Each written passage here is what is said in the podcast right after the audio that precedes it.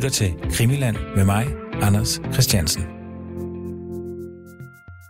I det her afsnit, der vil jeg sammen med dokumentarist Christian Kirk Muff kigge nærmere på et par personer, som efter mordet på Olof Palme gik en hård tid i møde. Det er et sælsomt mord, mordet på den svenske statsminister Olof Palme i 1986. Tiden op til er underlig. Selve forløbet er mærkeligt. Men bagefter er der altså også en række episoder, som er svære at forstå. Der er nogle mennesker, som frivilligt eller ufrivilligt er blevet involveret i palmemordet efter mordet, og som har slået sig rigtig hårdt på et eller andet. Så i dag skal det handle om en mand fra den svenske rigsdag, der lige pludselig blev vurderet til at være uværdig til at sidde i selv samme rigsdag. Det skal handle om en ældre mand, som bliver bortført fra sit eget hjem. Så skal det handle om, ja, man får lyst til at sige, stakkels Anders Larsen. Det blev total förvirring här. Är det verkligen Olof Palme som är skjuten? Ja. Det är det. Och han är död? Eller Ja, han är inte dödförklarad, men han är inte dödförklarad men det kan man väl nästan säga. okej. Statsminister Olof Palme är död. Han mördades mitt i centrala Stockholm strax efter klockan 11 igår kväll. Olof Palme och hans hustru Lisbeth hade lämnat biografen. Vi har jo Anders Larsen, Det har vi. øh, og øh, han er jo et rigtig godt eksempel på det. Han fortæller selv om det i hans, øh, i hans, øh, i hans afhøringer, og i det hele taget fra det øjeblik, han det blev offentligt kendt, at han har leveret den advarsel om palmemordet, så lader det til, at han, øh, han kun lever få år jo, og at det er et øh, miserabelt liv, han har. Ja, og vi kan lige hurtigt opsummere øh, for, for alles skyld. Han er jo, øh, Anders Larsen, han er med i det, der hedder Demokratisk Alliance, men herunder også øh, med i alle mulige andre foreninger, der, blandt andet WACL, og han har også været aktiv i det, der hedder den Baltiske Komité. Og de har alle sammen sådan kontor det samme sted. Øh, og det er også her, hvor vi øh, støder på Åke J. Bæk, som vi to jo nu mener er, er, er identisk med, med Leon, som lægger navn til Leon-gruppen, som er en, en stay behind-gruppering. Ja. Og han afleverer så øh, Anders Larsson øh, otte dage før mordet to øh, breve eller to beskeder øh, til centrale myndigheder i Sverige, hvor der står øh, Palme død. Der skulle egentlig stå Dr. Palme. Det er egentlig en, en gammel øh, udklip, hvor at, øh, en, en, en, en forfar til Olof Palme er død. En, en slægtning. Og så har han streget doktor over, der står Dr. Palme død. Så står der bare ja. Palme død. Og det er jo klart, det, det, det er der mange, der har set som, at det er en, der prøver at gøre opmærksom på, at, øh, at han ved noget. Og vil gøre nogen opmærksom på, at der snart sker noget. Og da det kommer frem i pressen, at der er afleveret sådan en advarsel af en mand, der kommer fra det der miljø, så bliver ham, der har Anders Larsen her, hans liv bliver et helvede. Mm. Og det fortæller han selv om, og han dør. Jeg mener, han dør i 91. Ja. Og ham han, ham, han siger, han har oplysningerne fra, som er en antikvar, øh, der hedder... Åh, Bo Ståhl. Bo Ståhl, ja. Øh, øh, han dør året efter. Øh, og de begge to... Øh, de begge to har de oplevelsen af, at deres liv er blevet ødelagt af det der. Ja. Og øh, ved du hvad, jeg har, jeg har jo, øh, jeg har jo kigget lidt på det. Øh, så jeg synes lige, vi kan, vi kan runde Anders Larsen. For det er rigtigt, han, han fortæller i afhøringen jo, at hans liv er forfærdeligt. Han drikker en flaske vodka om dagen, og han siger bare, at, ja, at det har været så vanvittigt forfærdeligt, efter at han øh, er stået frem. Og han er nemlig blevet interviewet i et radioprogram af den allesteds nærværende Lars Bornes. Og han interviewer ham i, øh, i 91 faktisk.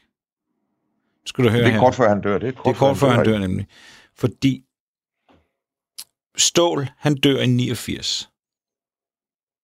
To år senere, nu læser jeg op fra den, der hedder En iskald vind drog igennem Sverige, som er Lars. Ja. Bornes store værk om, om mordet på Olof Palme. Og hvis man sidder derude og gerne vil læse noget rigtig spændende om Palmemordet, så er den virkelig... Det er vel hovedværket, må man sige. Ja. To år senere interviewede jeg altså Anders Larsson for kanalen, altså det her radioprogram, han laver. Dagen efter interviewet skete der noget interessant. Jeg blev kontaktet af to kendte højre ekstreme ældre herrer, som aldrig har ringet til mig før. Men nu havde de travlt med at fortælle mig, med få timers mellemrum, altså de ringer uafhængigt af hinanden, at ham, Anders Larsen, er en viderpanna. Det betyder en eller anden forvirret øh, tosse på en eller anden måde. Mm. Øh, og han, ham skulle man slet ikke bruge tid på. Og de ringer bare til ham, og fordi det synes de godt, de vil fortælle ham. Ja, det vil de fortælle Bornes, ikke? At, øh, ja. at det her, han, han fortæller, det, det, skal man, det skal man slet ikke høre på. Og vi ved trods alt, at det er et faktum, han har afleveret de her ting inden mod Olof Palme. Der er noget tidsmæssigt her, som man ikke kan lave om på. Hvis der er en mand i Sverige, som man skal lytte på på det her tidspunkt, så er det der Anders Larsen. Han går jo og forudser, han forudser jo fremtiden. Ja, og øh, han skriver så ikke i bogen, hvem de her to højere ekstreme mænd er. Men øh, jeg tillod mig at skrive til Bornes, simpelthen bare med det simple spørgsmål, hvem, hvem er det egentlig, der, der kontakter ham? Og så siger han, at det er nogen, han aldrig har talt med før. Den ene hedder Leif Bostrøm, og den anden hedder Karl Jørgen Edqvist. Og han siger, at øh, ham Bostrøm, Leif Bostrøm, at øh, Lars Bornes har det indtryk, at Bostrøm regner, ringer på vegne af Åke J. Ek. What? Og, og jeg vil sige, at jeg har i mailen ikke nævnt Åkes navn på nogen måde. Altså jeg er simpelthen bare sådan fuldstændig åben spurgt. Du skriver således i din bog, hvem ringer? Og så er det ham selv, der siger, at Brostrøm ser han som talsmand for Åke. Wow. Wow. Og altså, lad os nu bare lige, lige i, at Bornes har ret i sådan nogle ting. Altså, når han ser en forbindelse mellem de to, så er der en forbindelse mellem de to. Lad os prøve at blive den tanke. Mm. Hvorfor hulen har Åke J. Ek travlt med at blande sig i det i 91? Ja. Altså, hvorfor? Det er 91, det er fem år efter mordet.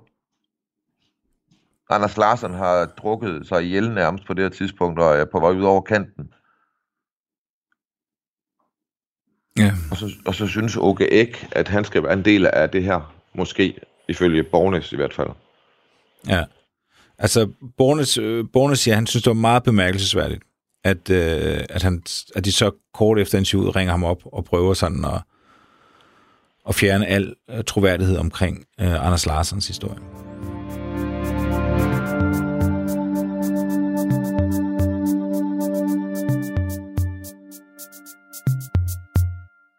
Øh, du har tidligere været inde og berøre historien om øh, øh, Rolf Dahlgren, Hans Holmers chauffør. Ja.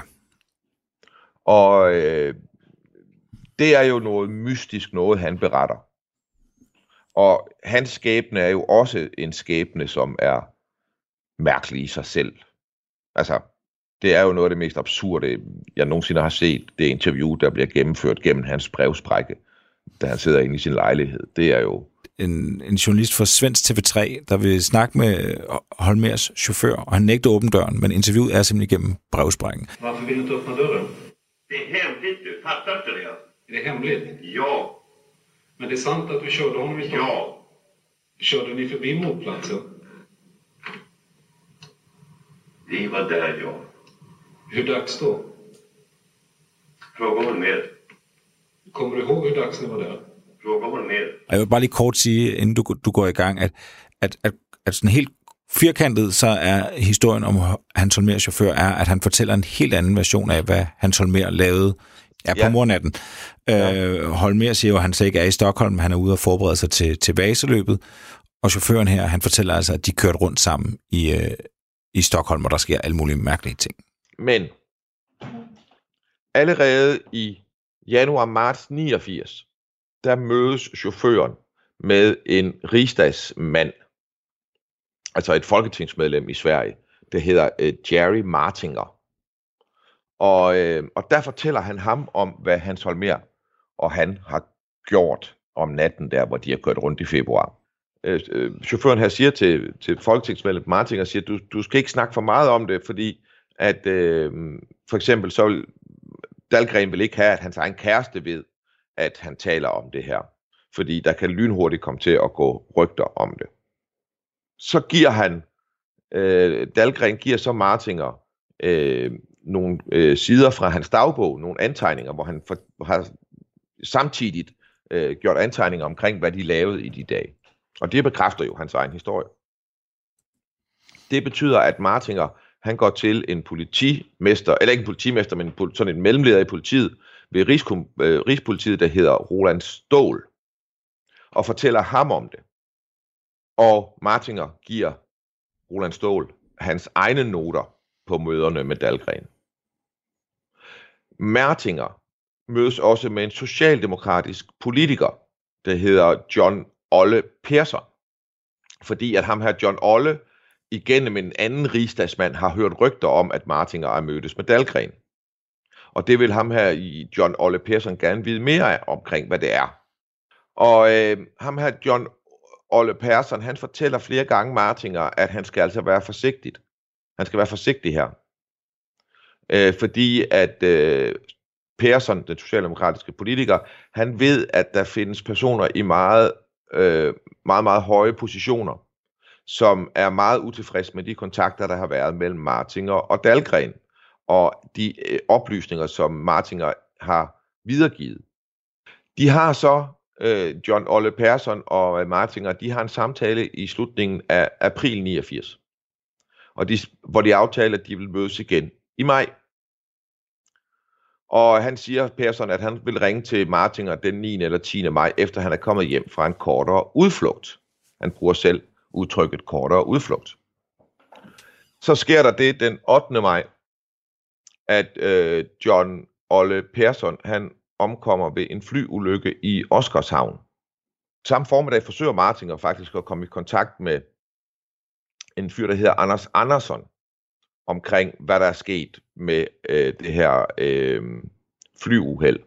Og der skal du lige vides, Anders Andersson er det folketingsmedlem, som har fortalt Persson, at Martinger og Dalgren de mødes. Er du med? Mm-hmm. Den her formiddag den 8. maj, hvor John Olle Persson omkommer ved en flyulykke, den formiddag, der forsøger Jerry Martinger at få fat i Anders Andersson, ham der har været mellemmanden mellem Persson og Martinger, for at fortælle, fortælle om det, der er sket. Han får ikke noget svar, når han ringer til Andersson. Det har en helt naturlig forklaring. Andersson sad i samme fly som Persson, og han er også omkommet.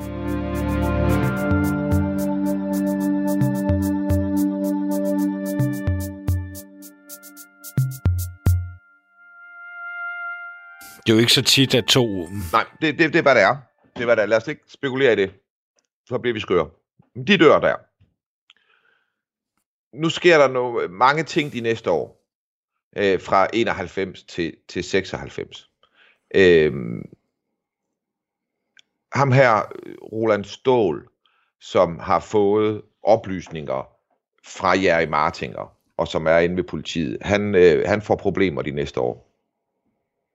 Øh, det er svært for ham at komme af med det her, og, og øh, Palmegruppen vil ikke høre på ham om det. Og øh, øh, han mødes flere gange med Martinger, og han, Martinger ser også, at de papirer med Dalgrens øh, dagbog og antegninger osv., at de har fået et stempel, et sagsnummerstempel hos politiet. Og det bliver vigtigt senere, fordi senere kommer politiet til at nægte, at de har nogen som helst papirer, hvad angår den her sag. Mm. Øh, hvad hedder det? Øh, de involverer også nogle flere, en, en, en politimand mere, øh, bliver involveret her sammen med Martinger og de her øh, moderatpolitikere, Roland Stål, og så en politimand mere fra, fra Thødertårns polisen. Og de bliver enige om ikke at lave nogen øh, politianmeldninger på noget, på, øh, for ikke at lave unødig opmærksomhed. Øh, dels sidder Martinger i rigsdagen, og øh, dels er de politifolk, og det kan give alle mulige problemer for dem. Det der sker er, i de her år, der begynder Martinger at blive... Øh, og det fortæller han, ham her Stål, politimanden, om kontinuerligt. Øh, der blev han udsat for alle mulige øh, trusler. Øh, hans bil og cykeldæk bliver skåret op. Hans øh, have bliver vandaliseret. Hans post bliver stjålet. Øh, og det foregår successivt over de her år. og har på et tidspunkt, der begynder han at politianmelde det i starten, øh, fortæller han bare betjenten om det, men på et tidspunkt begynder han også at politianmelde alle de her ting, der foregår. Så når man kommer frem til øh, år, årtusindskiftet, så øh, mødes Martinger og Stål. De mødes øh, i et indkøbscenter. Og, øh, og Stål, øh, og de taler om, øh, at øh, Martinger på det her tidspunkt har fået problemer. Han er blevet anklaget nu, øh, mistænkt i hvert fald, øh, øh, for, for ting, som øh, med Stål siger, at det ved man godt, at han ikke har begået. Det er han, altså øh, Martinger bliver, på det tidspunkt er han ved at blive skilt, og han bliver øh, af politiet anklaget for at lave chikaneopringninger fra telefonbokse rundt omkring Stockholm til folk, han ikke kender, blandt andet. Også nogen, han skulle kende, øh, men også folk, han ikke kender. Mm. Så der skulle han randomly ligesom ringe op til dem og, og, øh, og terrorisere ham, og terrorisere dem. Da han faktisk så bliver indkaldt til et forhør hos politiet den 31. januar øh, 2000, og der han mødtes omkring juletid med Stål, øh, så siger han, at øh, han vil gerne have, at øh, Stål øh, bliver bragt ind til at bekræfte de ting, han siger i den her afhøring. Og det siger de, det skal, det skal de nok. De skal nok vise ham det, og så kan han bekræfte det, han kan bekræfte. Det siger politiet. Men det sker ikke, og så ringer Martinger til politiet, og så får han at vide, at, øh, at øh, han er død af kræft. Øh, uventet står der i hans øh, dødsannonce. Så nu er han væk.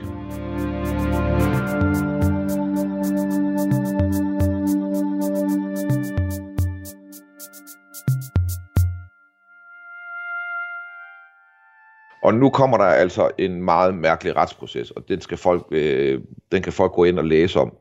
Det er øh, meget, meget mærkeligt, men det ender med, at Mertinger han bliver dømt for de her ting. Hmm. Øh, øh, altså han har lavet opkald fra en telefonboks, der ligger 4 kilometer fra hans bolig, 2 minutter og 10 sekunder, før han bevisligt er hjemme. Øhm, og altså det, det, det er, det er øh, meget, meget skørt, og jeg har prøvet at læse om det, og det er meget svært at hitte rede i, hvad søren er det, der foregår i den retssag. Det ender med, at han bliver dømt. Det ender med, at han øh, bliver erklæret uværdig til, øh, til rigsdagen. Øh, og, og han har Øh, han har ikke været i nærheden af at have, have, at have øh, offentlig anseelse i Sverige siden rigtigt. Men sagen er slet ikke slut for ham endnu. Mm. Øh, fordi at øh, nogle af de her telefonopkald, de foregår fra et øh, fra en øh, telefonboks i, åh, nu kan jeg ikke huske, hvad det hedder. Hornstyld Hornstyld. Hornstyld, jeg ved godt, man udtaler det. Og det var her, jeg faktisk fandt ind i det, øh, Anders, fordi at da jeg kiggede på lærergruppen, mm. så øh, skulle de angiveligt have haft et område ved Hornstyld, hvor de skulle have haft sådan et hemmeligt øh, bunkeragtigt kontor, gemmested, et eller andet. Øh, og, og, og den her telefonboks, der er blevet brugt til nogle af de her chikaner, den skulle ligge tæt på det. Og det er der en, der bemærker på sådan et forum, øh, øh, jeg er inde på, hvor man snakker om de her ting, og så er der en, der siger, ja, man skal også lige være opmærksom på, at i nærheden af det her sted, der var jo også den her telefonboks, som havde en meget mystisk rolle i sagen mod Jerry Martinger. Og så blev jeg sådan lidt, okay, sagen mod Jan Martinger, hvad er det for noget? Og så var det, jeg begyndte at kigge på den her sag. Mm. Så, så, så i nærheden af den her telefonboks, der skulle der angiveligt have været en eller anden form for hemmeligt tilholdssted for Leon eller en anden stay behind gruppe øh, i Stockholm-området. Ja. Der beder Martinger om, så i forbindelse med retssagen, at sige, okay, I hævder, at jeg har lavet en chikaneopringning klokken det og det. Jeg vil gerne have en liste over, hvad der ellers er blevet ringet til af numre fra den her telefon i perioden lige før og efter. Så siger Telia, det kan man ikke levere. Problemet er, at Martinger har som rigsdagsmand beskæftiget sig med de her ting, så det ved han, de kan. Og han er også ført, nej, noget andet er, Martinger, det skal man lige vide, Martinger er tidligere anklager. Mm. Han er jurist og tidligere anklager. Det skal man lige have med. Øhm, så det ved han, at det kan de skaffe, så det ender de også med at skaffe. Og øhm, så viser det sig, at der ringer til to numre lige inden chikaneopringningen, som angiveligt Martinger skulle have gjort. Det første er til en telefon, øh, mobiltelefon, der ikke kan spores. Og det andet, det er til Karl Litblom. Karl. Han ja. var på det tidspunkt, hvor Palme blev dræbt, øh, svensk ambassadør i Paris. Og han er tidligere statsråd. Han er meget højstående øh, socialdemokrat. Og meget tæt i, altså godt forbundet ind i statsapparatet. Ja, og så er han en af de tre hovedpersoner i Ebbe Carlson-affæren. Øh... Og så er han en af de tre hovedpersoner i Ebbe Carlson-affæren. Præcis. Ja. Øhm, og det er jo mærkeligt, øhm, at der fra den telefon er ringet til ham, lige inden Mertinger angiveligt skulle have ringet og chikaneret. Det kan man jo tænke om, hvad man vil. Øhm, men i tiden øh, efter det her, øh, 2001 og 2, der er der flere og flere der op, gange, hvor Mertinger oplever, at der er nogen, der optræder i hans navn og køber ting ind og bestiller ting øh, rundt omkring øh, for mange, mange penge. Der kan komme lastbiler med ting og sager øh, til hans hjem. Og det giver ham alle mulige problemer. Han skal, han skal hver gang ud og bevise, at det ikke er ham. Mm. Øh, og der sker ikke noget. Han tager også fat i politiet, og der sker ikke noget. Øh, hans post bliver stadigvæk stjålet. I øh, sidst på 2002, der er der en ukendt mand, der dukker op hos Martinger og tilbyder ham et øh, stort beløb, hvis han trækker oplysningerne tilbage, som han har efterladt til Palme efter udredningen, om sine kontakter med Dahlgren og Stål. Det nægter han. der er flere, der oplever, at når de vil ringe til, til Jerry Martinger, så øh, kommer de ikke igennem til ham. De kommer til, øh, igennem til Karl Lidbom. Og altså, det er mange, mange, mange personer, der oplever det. Det er mere end 10, det er 15, 20 personer, der er navngivet. Det blev anmeldt til Telia, men ingen har kunne forklare, hvad pokker der foregår. Det er da underligt. Hvordan kan det hænge sammen? Du, når du stiller det spørgsmål, så får man jo lyst til at forklare det, og prøve at forklare det. Ja. Og, og, og, og så bygger man et eller andet, som man tænker, jamen det kunne jo godt forklare det. Og hvis man ikke passer på, så bliver det lige pludselig til noget, man tænker, men sådan var det. Og det gælder jo alt, vi snakker om her, og særligt det her Martinger noget. Jeg kender ikke manden. Mm. Jeg, jeg jeg kan bare sige, at den er vildt mærkelig, den sag. Jeg ved ikke, om han var u- uligevægtig i forbindelse med den skilsmisse, og om han foretog nogen chikaneopringninger, ja, øh, eller om han ingen foretog overhovedet, eller om han foretog dem alle sammen. Jeg ved bare, at det er vildt, vildt underligt. Og hvis jeg skulle spekulere i, hvordan kunne det der ske? Ja, altså, hvis nu sådan en fyr som Ø. Sådan en fyr som Ø, der arbejder på Televærket. Mm. Han kender sådan en fyr som Karl Lidbom. Mm. Og de bliver enige om, at det er smart at aflytte Martingers telefon. Men det skal de udføres på en måde, som er øh, ukonventionel og ikke må opdages af Televærket. Så det bliver foregår lidt hurtigt øh, om natten, og af folk, som begår fejl, øh, det sker. Og så får de sat de der telefonrelæ op på en måde, så der er kommet en eller anden form for forbindelse mellem nummeret til Lidbom og til Martinger. Mm. Øh, det er altså, forstår du, hvad jeg mener? Altså, jeg, jeg, ja. jeg krasser i bordet for at holde fast i mening. Altså, ja. øh, ja. Men, men, øh, men det kan man jo ikke lade være med. Men, men, men skid også lige hul i det for et øjeblik, mm. fordi det er sådan set ikke så meget det. Pointen er, det her det sker. Pointen er, den her historie er bare mærkelig. For at gøre det helt skørt med, med, med Martinger, så sker der faktisk... Øh, en ting er, at folk oplever, at de øh, kommer igennem til Karl Lidbom, øh, når de ringer til, til jer i Martinger. Men der sker faktisk også det, at der er nogen, øh, der oplever, at øh, øh, at de kommer igennem til noget helt andet. Ja. De kommer igennem til Socialdemokraternes internationale palmecenter. Men, men det vil vi slet ikke snakke om, men, men Martinger, han var jo ikke socialdemokrat. Nej, han, han var, nej, det var han ikke. Det var han ikke. Så det er ikke et eller andet med, at han har fået et gammelt nummer fra... Øh, Nej, nej. Altså, det kan ikke være det, Nej, der er på spil. Nej, nej. Og Lidbom er også socialdemokrat, så det er jo ikke sådan, at hvis man sidder og tænker, om det er det bare fordi, han har overtaget et, et, et, et, et, et firmanummer eller sådan fra, eller partinummer, for det er han ikke, for han har slet ikke haft noget med dem at gøre. Intet. Intet. Og, og, og- de her ting er bekræftet fra troværdige kilder, altså for eksempel ham her, der får det internationale Palmecenter, ikke?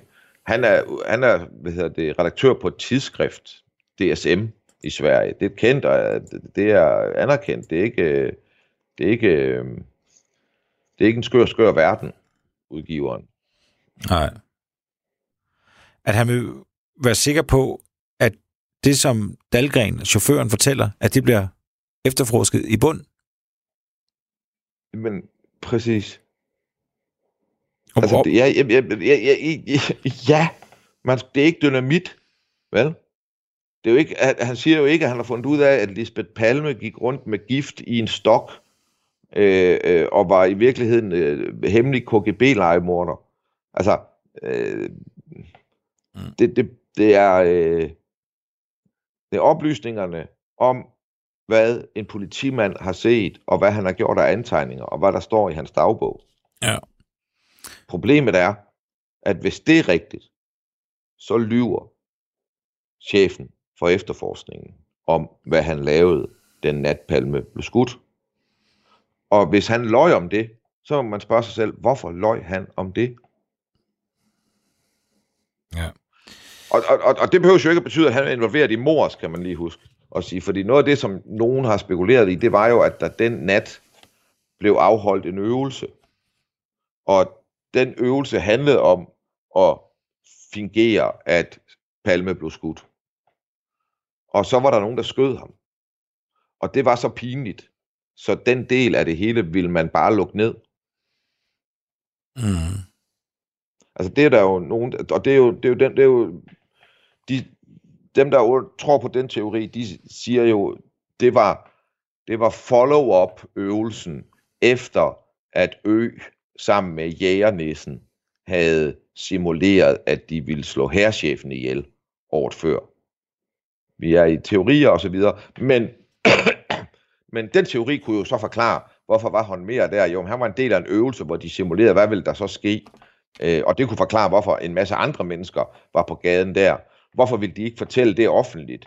Jo, så skulle de så stå dagen efter og sige til offentligheden, prøv, i går løb vi og legede, at vi havde en øvelse, hvor vi simulerede, at der var nogen, der skød Palme, men så var der en af os, der skød Palme. Vi ved ikke hvem. Jamen, det kan da ikke være så, så klodset. Jeg ville i hvert fald det var ham, der skulle stå og sige det. Ikke? Altså, du ved, det ville jo virkelig have været agtigt på et plan, man ikke kan forstå.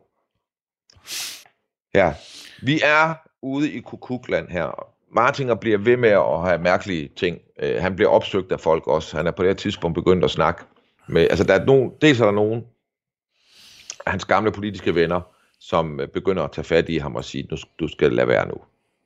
Øhm, bare lade være. Altså, han møder dem sådan lidt mærkeligt. Du ved, det er en tidligere chefanklager, som var chef for ham, da han selv var anklager, som lige pludselig sidder øh, på en restaurant, hvor han går forbi og stopper ham, og fortæller ham en historie om, at min kone er lige inde og handle, og jeg vil lige sidde her, og så kunne jeg se, at du kom, og jeg vil lige fortælle dig noget. Og så siger han, lad nu være. Lad nu alt det her ligge. Øh, øh, du kan stadigvæk få dig et, et, øh, et okay liv. Mm. Øh, øh, og, øh, og senere hen, der bliver han opsøgt af sådan to svenske mænd i 50-års alderen øh, om aftenen, som går hen til ham og siger, prøv at høre, øh, der er nogle af de kontakter, du går og holder dig, som du skal helt lade være med at have. Du skal holde dig til de her gamle kontakter, og så nævner de blandt andet ham her, som havde givet ham det her råd. Og, og, og så skal du give fanden i det der palmemor. Når jeg sidder og kigger på palmemor, eller var svært for mig i en lang periode, det er bare at forstå, hvordan, altså du ved, al den idioti, alle de åbenlyse fortielser, al den holden sig for øjnene, når, når der var åbenlyse spor at forfølge. Altså alt, hele den mærkelige apati i samfundet og systemet og politiet, alt omkring det, er så svært at forstå. Øh, og hvorfor er der ikke nogen, der ligesom... Hvorfor er der ikke nogen, der forsøger at komme til bunds i det? Det har været svært for mig at forstå. Men hvis man har været kollega med Martinger og set, hvad der skete for ham, så kan man måske godt forstå det. Ja.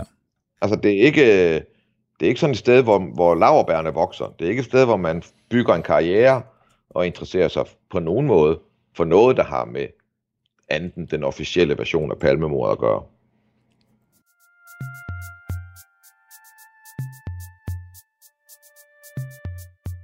Det, som jeg jo synes er, har været mest interessant, efter at øh, Palme efterforskningen er blevet, blevet lagt ned, og så man er begyndt at kunne læse alle de her dokumenter, det er jo selvfølgelig et indblik i, hvad har efterforskerne været interesseret i.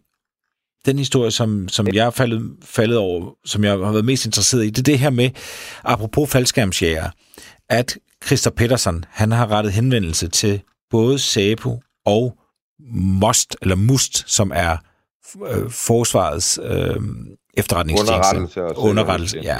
ja. ja. Øh, øh, netop for at få øh, oplysninger på en række navngivende jægersoldater, hvad de foretog sig, øh, faldskærmsjæger. Og det har han så faktisk ikke rigtig lykkedes med, øh, mm. som jo også er så vildt. Øh, ja. Og det er både i forbindelse med, øh, og det er det, der har sat os på sporet af alt det, vi, vi går og laver nu. Det er dels den henvendelse med, at Christa Petersen gerne vil vide, hvad en, en stor håndfuld øh, faldskærmsjæger lavede omkring øh, mordtidspunktet, og så alle oplysninger, han kunne få af Stay Behind, parentes Barbo-gruppen, Leon-gruppen, og så den gruppering, der hedder Arla Gryning. Nå, med det i mente, så skal jeg fortælle dig en historie. Yes. Vi skal, til, øh, vi skal ikke længere tilbage end 2012. Der er der en, en mærkelig kidnapning. Det er en, øh, en ældre mand, der hedder Håkon Ingervald. Han er 58 år, og han forsvinder pludselig fra sit hjem, og det gør han den 27. februar 2012. Første gang, man kan, man kan læse om det, det er faktisk inde på det forum, der hedder Flashback, øh, som er et, et interessant svensk forum, hvor der bliver diskuteret alt muligt, blandt andet også palmemordet, men også alt muligt andet. Der er det datteren, der simpelthen øh, efterlyser faren derinde og siger, min far er forsvundet, øh, hvad skal jeg gøre? Kan I ikke rådgive mig? Og hun henvender sig også til politiet. Og, og faren er simpelthen forsvundet midt i morgenmaden. Altså morgenmaden Hey, er... er... Stop, stop, stop lige en gang. Gik hun på flashback? Ja, Altså, ja, ja, ja, din anbefaling af flashback er god. Det er et meget interessant sted. Det er virkelig også et sted, man skal passe på. Altså, Ja. det er jo et af de få steder øh, på nettet, hvor man kan være totalt anonym. ja. Og, og, og det vil sige, at noget af det, folk de siger derinde, det er stærkt injurerende og fuldstændig ude i skoven sindssygt. Ja, altså, altså flashback er, hvad kan man sige, øh, alt efter hvem man er, men det er det gode gamle internet, så at sige. Ja, altså, det er, det, er, det er et gammelt debatforum, som, som man kendte i, i slut 90'erne, start 0'erne, altså hvor der bare er knald på. Øh, hun melder det, men, men, men hun melder det nu også til politiet. Nej, det er jeg glad for. Øhm, de her, det, det, jeg fortæller nu, det er simpelthen, øh, jeg refererer jo faktisk artikler, der har både været i Aftenbladet og Expressen, men også øh, i, i andre medier. Ja. Håkon Ingervald, han forsvinder fra sit hjem om morgenen. Øh, morgenmaden står der stadig. Der er blodspor på, på trappetrinene. Og der ja. Går så en, en, en jagt i gang øhm, for, for at finde den her mand, som er, som er forsvundet. Og han er, han er en normal sådan forretningsmand, øh, øhm, der, der, bor, der bor rigtig fint. der, der sker faktisk det, at politiet ret hurtigt melder ud, øh, at, at bortførelsen her i 2012 kan have noget at gøre med palmemordet. Det ved man altså i offentligheden, mens han er væk. Nej, undskyld. Hvordan kan hvad Siger de bare, det har noget med palmemordet at gøre måske, de- de- eller siger de- de, hvordan? De, de siger bare, at de vil ikke sige, hvordan eller hvorfor. Øh, det, jeg har kunne finde frem til, øh, det er...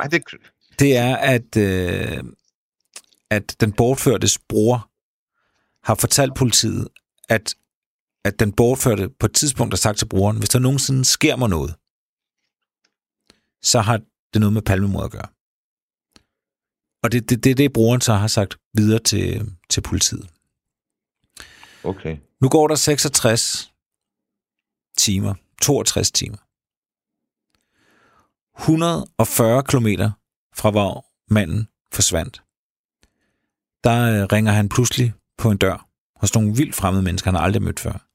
Han er næsten helt afklædt. Han er totalt nedkølet. Og hans hænder er bundet sammen med ja, gaffatape, sådan sølv øh, gaffatape. Og han siger til damen, der åbner døren, at de skal ringe til en ambulance. Han er ved at fryse ihjel, og han har været kidnappet, siger han. Jeg har været kidnappet, jeg er ved at fryse ihjel. Ring til en ambulance. Nå, så sker der det, at øh, hvor hen i Sverige siger du, vi er? jamen, han dukker op. Og hvor, hvornår på året? Jamen, det er jo den øh, dagen før årsdagen for palmemordet. Han dukker oh, ja. op dagen efter. Øh, Ja. ja. Så vi... Hold kæft, det er koldt, mand. Han er i, øh, det er, det er i slutningen af februar. Han dukker op i en by, der hedder øh, Posklavik i Kalmar. Okay, det er sydpå, ja. Øhm, og det er klart, øh, politiet kommer og øh, afhører ham. Men der sker så det, så ringer han til politiet og siger, intet af det, han har fortalt, altså at han er blevet bortført, passer. I skal bare glemme det. Det var noget, han selv gjorde. Altså, han har selv for pludseligt om morgenen besluttet sig for at tage hjemmefra, for 62 timer senere at dukke op, afklædt, nedkølet, med hænderne bundet fast, med gaffatape 140 km fra sit eget hjem. Efter sig- at have efterladt blodspor på trappen. Ja. Og, og sige til en dame, ring til ambulancen, jeg blev bortført. Det, det er kinky, hvis det er noget, han har gjort selv datteren, hun siger jo også, at øh, hun, altså hun fatter det ikke. Øh, men, men politiet gør det, at, øh, at de simpelthen bare lukker sagen. Og det er lidt uvist faktisk, om han nåede at blive afhørt af Palme efterforskningen. Der er en artikel, der hedder, at nu skulle han til at blive, øh, blive afhørt, men om han rent faktisk er blevet det, det ved vi ikke. Det vil sige, at hvis det ikke var fordi, at politiet, det lokale politi, hurtigt havde meldt ud, at der kunne være en forbindelse til palmemordet, fordi broren havde fortalt dem det, Ja. så ville man ikke vide, at der kunne være noget her. Nej. Og, og det der så er, øh, og er derfor, jeg nævnte det her med, med faldskærmsjægerne, det er, at øh, brugeren fortæller os, at øh, den bortførte, han var uddannet faldskærmsjæger. Det fortæller brugeren. Så der er en, øh, og det har han været i, i 70'erne. Altså, det er jo bare det, der er så underligt. Altså, vi har en mand, der bliver bortført, øh, da han så dukker op, så siger han, at han selv har bortført sig selv, eller hvad fanden det er, hans, øh, hans forklaring ja, er. det, ja, ja. Øh, og brugeren har, har sagt til politiet, at det her det er noget med palmemod at gøre. Det har han selv fortalt mig, at det ville være, hvis han forsvandt. Hvad fanden er det for en historie? Ja. Ja. Inde på Flashback, der bliver, der kan jeg se, der bliver datteren så et par dage efter spurgt, hvorfor var din far bundet, da han øh, ringede på? Og så skriver hun bare, ingen kommentar. Og det er hende selv, der går ud med efterlysning i første omgang. Og hun har ikke kommenteret på det siden derinde. Nej.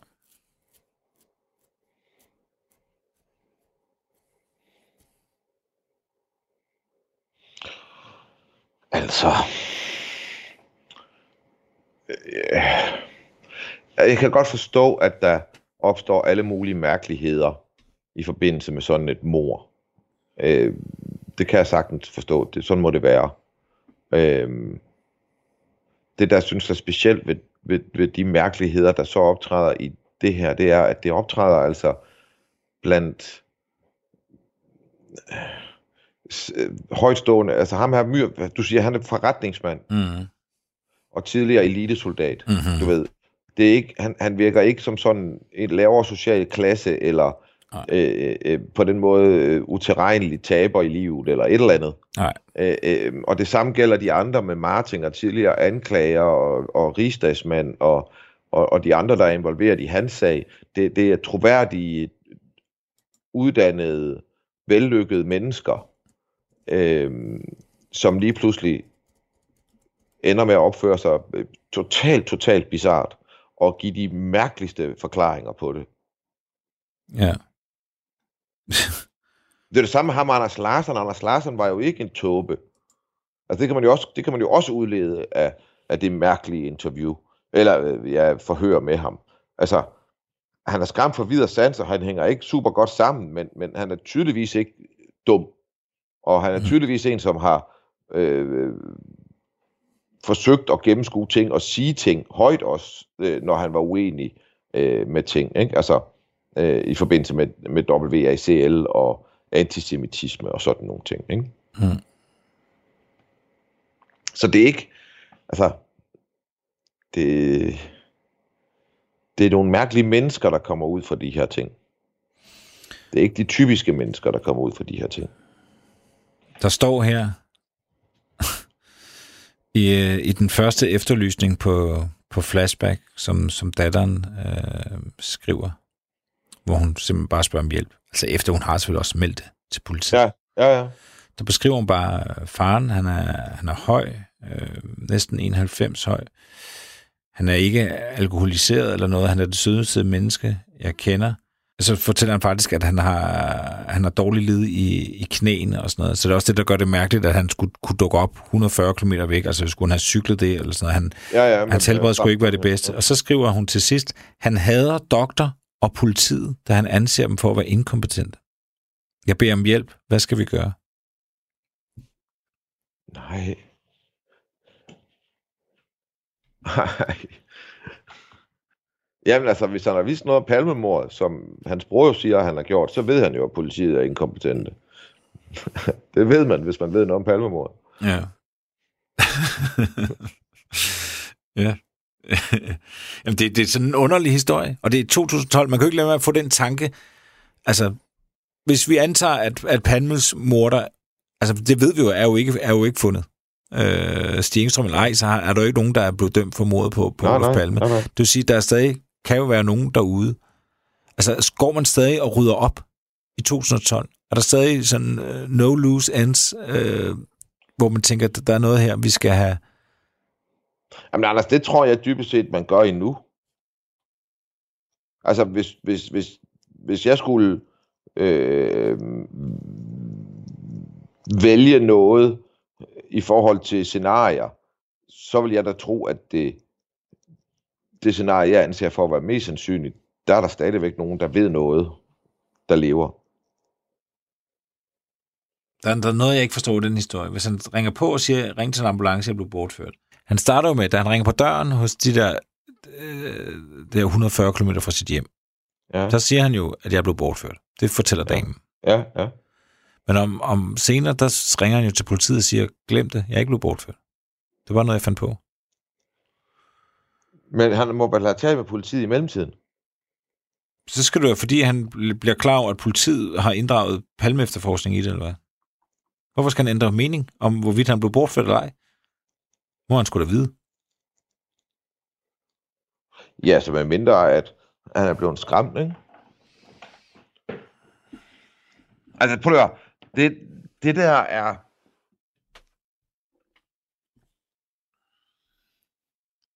Okay. Jeg- Jeg skal også lige, lige få det ind. Okay, så det er virkelighed her. Vi har en mand, han lige pludselig væk. Bum. Så nu må vi prøve at forestille os, han er blevet taget med vold. Mm-hmm. Ham her. Han er blevet bortført nu. Han er blevet holdt i, i en lade i en ødegård ude i en skov i Sverige.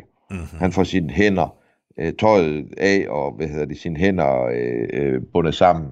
Og, og så bliver han hvad? Var han, havde han, var han blevet tort, var der blå mærker, var der, var der slag, var der sådan noget? Nej. Det ved, det, nej, det ved et eller andet det, jeg ved det ikke, altså det ved jeg ikke. Der, jeg, jeg har ikke kunnet finde omtale om det, ikke andet det der med, at han var bare øh, afklædt og stærkt nedkølet, og hans hænder var bundet sammen.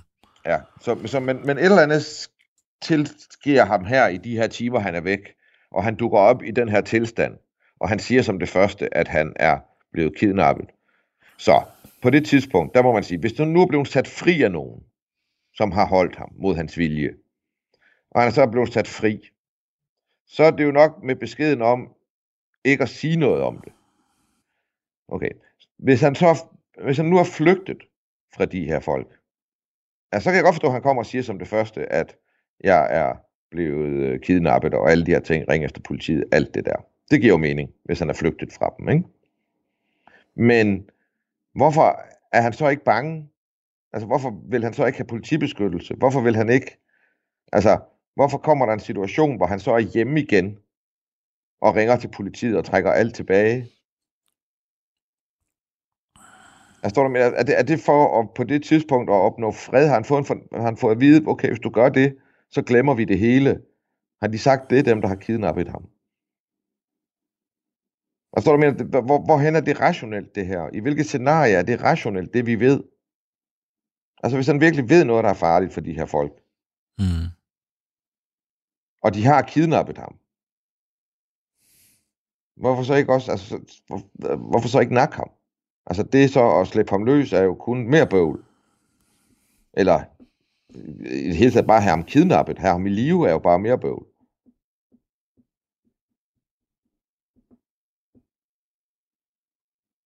Og vi ved, at det er folk, der vil slå ihjel, hvis det skal til. Så, så, så det i sig selv er ikke begrundelsen for at ikke slå ham ihjel, at de ikke kunne finde ud af det, eller ikke kunne overkomme det. Eller... Han starter med at fortælle politiet, det når han at fortælle politiet, at ukendte personer tog ham, fangede ham uden foran hans villa, og tvang ham ind i en større øh, bil, og kørte afsted med ham. Det fortæller han den 29. februar. Den 1. marts så holder politiet preskonference, hvor de efterlyser flere tips, øh, om, om der er nogen, der har set noget. Og så er det så, at han selv ringer til politiet dagen efter og siger, glem det. Det var fuldstændig øh, bare noget, jeg selv gjorde. Og politiet siger så, okay, jamen, øh, vi lukker sagen. Altså, den sidste del er jo også helt forrygende, forrygende skør. Ja. Hvordan kan politiet lade være med at efterforske det? Altså, hvordan kan de trække så, lade ham trække det tilbage? Altså, det der, det, det hænger jo ikke sammen. Hvordan reagerer de svenske medier på den der historie? Det er det, den, den dør med det. Altså, det, den sidste der, at øh, datteren siger, hun fatter ikke en skid. Hun synes, det lyder så usandsynligt, hvordan han skulle kunne binde sig selv. Han har aldrig gjort noget, der mindede om det her før. altså, hvorfor skulle han lige pludselig fra den ene dag til den anden lade sig forsvinde i mere end 60 timer og dukke op 140 km væk?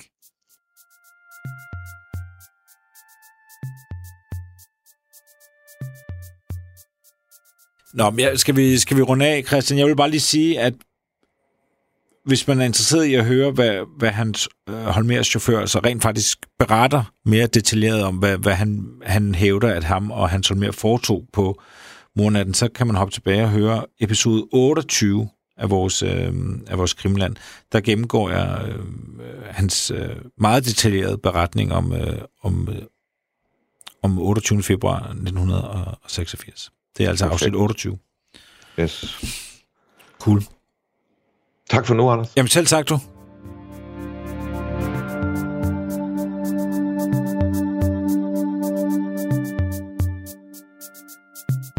Programmet er produceret af Wingman Media for Radio 4.